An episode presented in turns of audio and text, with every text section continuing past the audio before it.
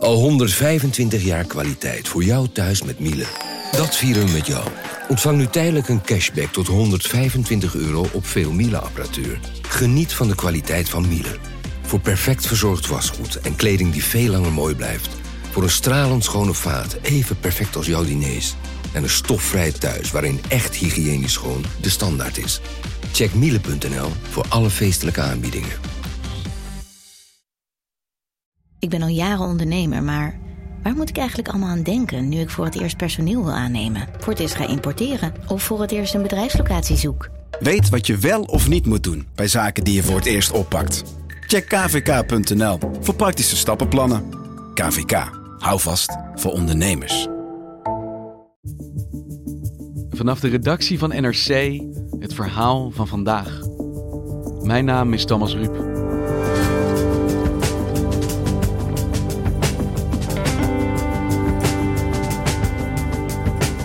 In Soedan is een revolutie aan de gang. President Omar al-Bashir was 30 jaar aan de macht, maar werd drie weken geleden afgezet. Er wordt feest gevierd, maar voor de demonstranten is dit pas het begin. Vandaag het verhaal van de Soedanese opstand, die voor een deel werd gecoördineerd vanuit een woonkamer in Leiderdorp.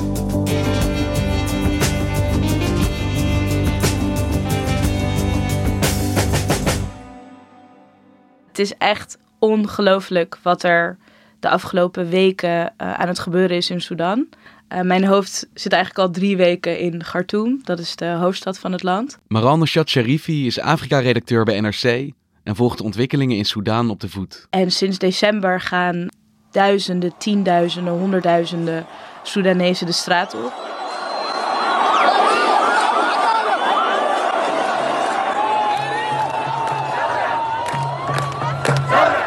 In eerste instantie eisten ze het vertrek van Omar al-Bashir, een dictator die daar 30 jaar lang aan de macht is geweest. En het is ze gelukt. Op 11 april is hij afgezet. After 30 years in power, President Omar al-Bashir has been forced out of power by the country's military. The army has dissolved the government and declared a state of emergency. De president van Sudan is vandaag afgezet en gearresteerd door het leger. Omar al-Bashir kwam in 1989 via een coup aan de macht. En hij was ontzettend corrupt. En hij heeft van Sudan een streng conservatief islamitisch land gemaakt. En daar hebben heel veel mensen onder moeten lijden.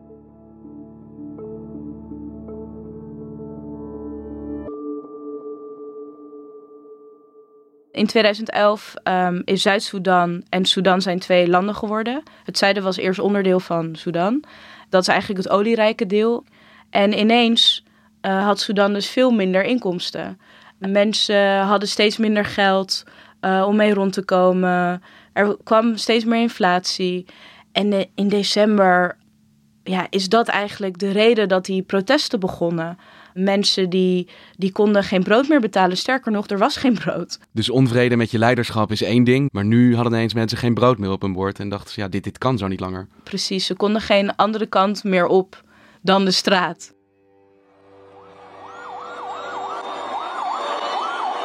Ze zijn dus bij het militaire complex, waar ook de ambtswoning van Bashir zit.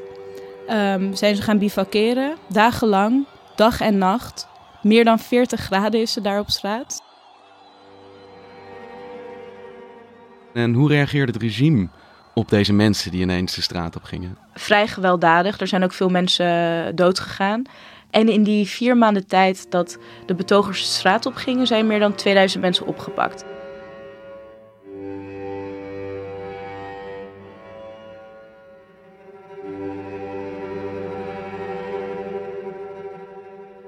Het moment dat de regering op betogers gaat schieten, dan durven mensen niet meer de straat op te gaan. Ja, dat kan je je voorstellen. Precies, maar in Sudan gebeurde het tegenovergestelde. Mensen gingen ineens met hun kinderen en met hun, en met een hele familie de straat op. Het werd gewoon een soort familieuitje om naar die betogingen te gaan. En um, ze namen het hele gezin mee. Dus het had een soort averechts effect. Voert Linda, onze correspondent daar, die zit daar nu. En die zegt dat zijn voornamelijk jongeren, jonge mensen, scholieren, studenten, uh, ontzettend veel vrouwen. En die oudere Soedanezen zijn ook zo trots op die jongere generatie, want uh, zij zijn doorslaggevend geweest.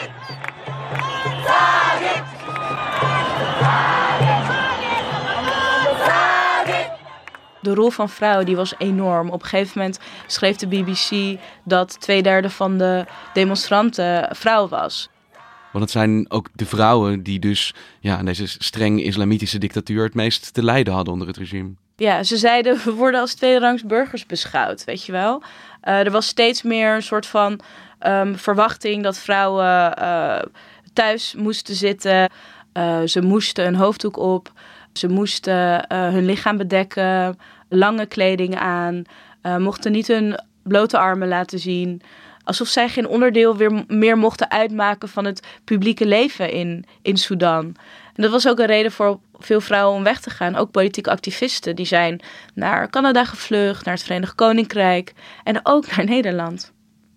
En ik was gewoon heel erg benieuwd of ik een van die of een paar van die vrouwen zou kunnen spreken. Dus ik heb wat contacten in de Soedanese Nederlandse gemeenschap. En een aantal mensen zeiden tegen mij: de persoon met wie jij moet spreken, dat is Sulafa Saad. Hi Sulafa, how are you? This is Maral. Thank you. Thank you. Sulafa Saad is een 28-jarige vrouw. Uh, ze was een bekende politieke activist in Sudan. Ze is twee jaar geleden naar Nederland gekomen. In eerste instantie om te studeren. Uh, ze studeert in Leiden. En um, daarna heeft ze asiel aangevraagd, politiek asiel. En die heeft ze ook gekregen.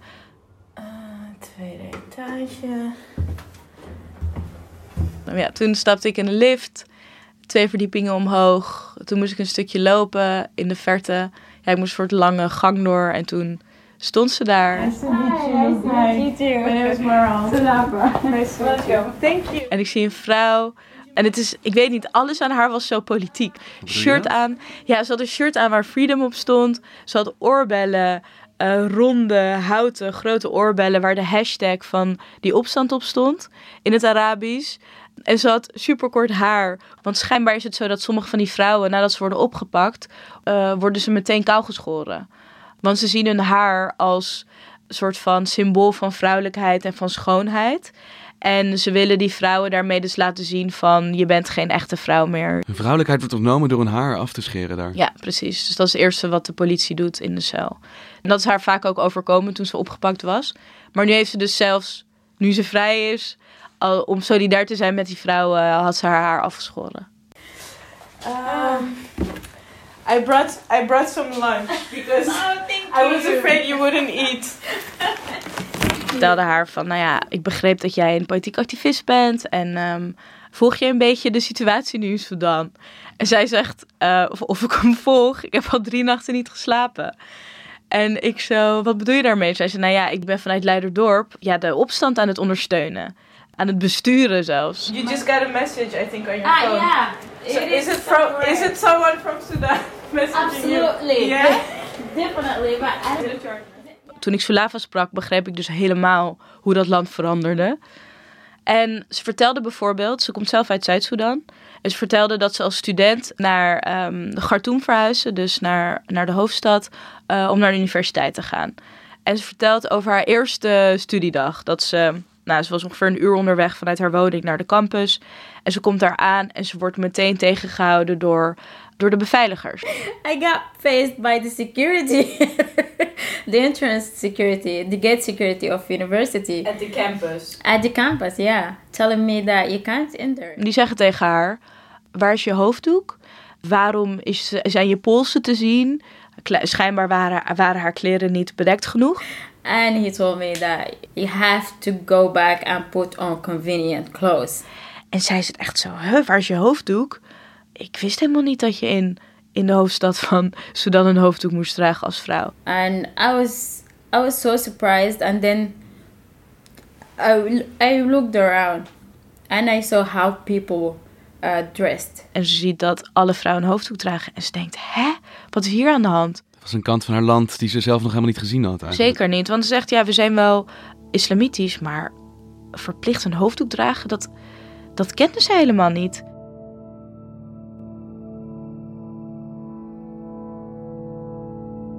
Dus ineens zag ze van wow, dit land is echt aan het veranderen. En uh, er waren heel veel vrouwen die daar last van hadden. Dus ik ging daar met steeds meer vrouwen over praten. Over de positie van vrouwen. En over hoe zo'n streng islamitische cultuur... dat het helemaal niet bij hun land past. Dus werd zij activist op dat moment? Ja, dus ze is als student steeds activistischer geworden. Ze ging maatschappelijke organisaties oprichten. Politiek werd ze ook actief. Um, ze was heel erg met het armoedeprobleem in Sudan ook bezig. Dus dat is een organisatie. Uh, zij gingen dan uh, dekens uitdelen aan daklozen op straat. Ze zeiden dat de armoede ook zichtbaar toenam. Weet je er waren steeds meer daklozen. Steeds meer zieken in het ziekenhuis. Patiënten die um, niet de juiste middelen kregen. Dus zij ging zich daarvoor inzetten. En natuurlijk was het ook allemaal heel politiek. Want op het moment dat de economie volledig gemonopoliseerd is door de politieke macht en je wil dat daar iets aan doen, ja, dan kan je niet om het politieke heen. Dan is alles politiek. Precies. Het leven in voor haar dus steeds moeilijker. Ze was geëngageerd, ze wilde daar iets veranderen, maar dat kon eigenlijk niet zonder steeds opgepakt te worden en in de problemen te komen. Precies, en toen heeft ze op een gegeven moment besloten om uh, haar studie um, daar te stoppen, want het had toch geen zin om daar te studeren. En toen is ze naar Nederland gekomen voor studie en op een gegeven moment heeft ze hier asiel aangevraagd. Um, maar ze zegt wel dat ze vanuit Leiderdorp veel meer invloed heeft. Je wil zeggen dat ze vanuit hier meer invloed heeft dan als ze daar in Soedan bij de protesten aanwezig was geweest? Zeker, want hier heeft ze um, stabiel internet. Uh, hier heeft ze een goede telefoonverbinding. This is a group we created a couple days ago. Mm -hmm. um, okay, through this group we we have people who are uh, right now in front of the uh, headquarters of the army in Sudan, mm-hmm. uh, where the people are uh, demonstrating. So they tell us what the people there need, like water, um, food, whatever, uh, or sometimes medicine, and then. Um, we link them with people who have like cars, uh, people can move, Mm. They bring the stuff and uh, give it to them. Ze zorgt ervoor dat alle, alle spullen, dingen, medicijnen, eten, water, dekens, alles wat de demonstranten nodig hebben, dat dat zo snel mogelijk daar wordt gebracht. Bijvoorbeeld. There is a patient in, this, in um, a hospital called Royal Care. Uh, her name is Maha, and she needs uh, blood uh, O negative. Dan gaat zij, uh, geeft ze dat door in een andere WhatsApp groep van hey guys, is er iemand die bloed naar het ziekenhuis kan brengen, want deze vrouw heeft bloedtype O negatief nodig. En dan zegt iemand anders, ja is goed, ik ga er nu naartoe. Of uh, mensen hebben eten nodig, uh, mensen hebben water nodig. Het is daar meer dan 40 graden. En dat regelt ze dan allemaal vanuit haar woning in Leiderdorp. Ze zorgt ervoor dat, het is gewoon logistiek eigenlijk, dat alle mensen, demonstranten, alles wat ze nodig hebben, zo snel mogelijk krijgen. Een soort commandocentrum wat ze daar runt. Precies.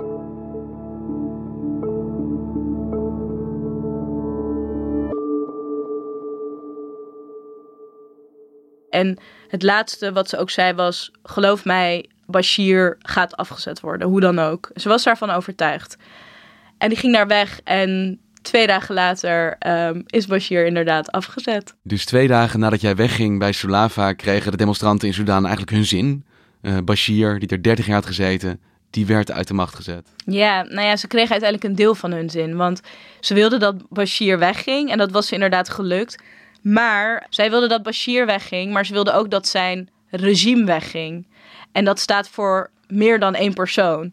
Uh, dus het feit dat Bashir werd afgezet was voor hun onvoldoende. Want ze zeiden van ja, wat nu, gaat, wat nu moet gebeuren is dat wij de macht krijgen over het land. Want als die vriendjes van Bashir aan de macht blijven, ja, dan maakt het niet uit of Bashir er zit of iemand anders. Is dat wat er gebeurde? Bashir werd afgezet, maar de macht werd niet naar het volk overgedragen. Wat er is gebeurd is dat een militaire raad uh, de macht heeft overgenomen in Sudan. En die heeft gezegd van een gegeven moment gaan we de macht overdragen aan de burgers, maar we zien het als tijdelijke oplossing.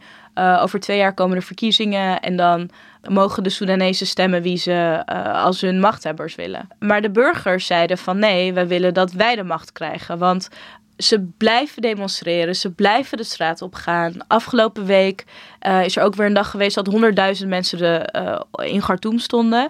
En uh, ze geven niet op. Ze staan er allemaal met hun mobieltjes en Facebook live updates aan de rest van de wereld te laten zien van we zijn vastbesloten dat dit onvoldoende is voor ons. Wij zijn nog niet blij. We, we, hebben nog niet gekregen wat we wilden.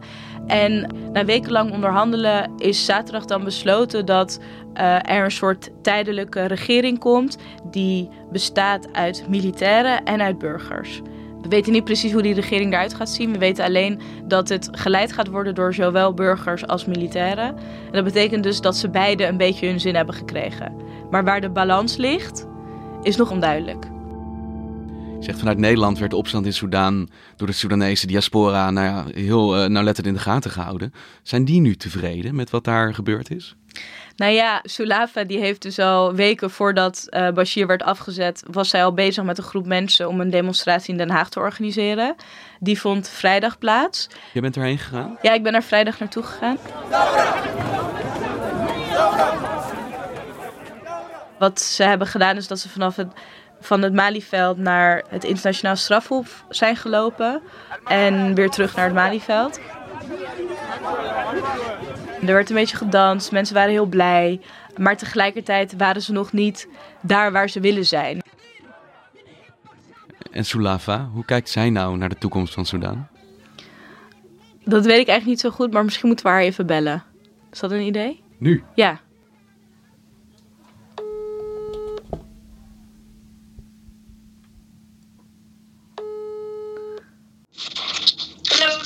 Hi Sulafa, this is Maral. Hi. How are you doing? I'm fine. How are you? I'm good, thank you. okay, thanks. So, we're sitting in the studio right now, and Okay. I was very curious um, how you look at the events that are going on in Sudan right now. Are you happy? Um, I can't say that I'm happy because they're still uh, negotiating. So uh, we are waiting for for the results. Are you hopeful about the future of Sudan? I think um, I am because they are aware of their demands and they, they know what they are going for. Are you proud? I am. I'm, I can't be more proud of being Sudanese. I, I can't be more proud of my people. I'm so proud of them. Thank you, Sulafa. Thank you so much. Thank you. You're welcome.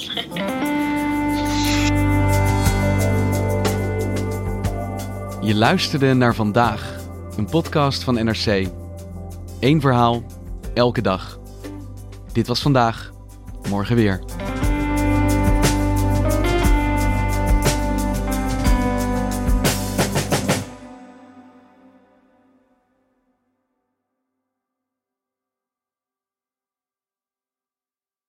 Technologie lijkt tegenwoordig het antwoord op iedere uitdaging. Bij PwC zien we dit anders. Als we de potentie van technologie willen benutten, kunnen we niet zonder een menselijk perspectief. Human-led, tech-powered noemen we dat. Ga naar pwc.nl.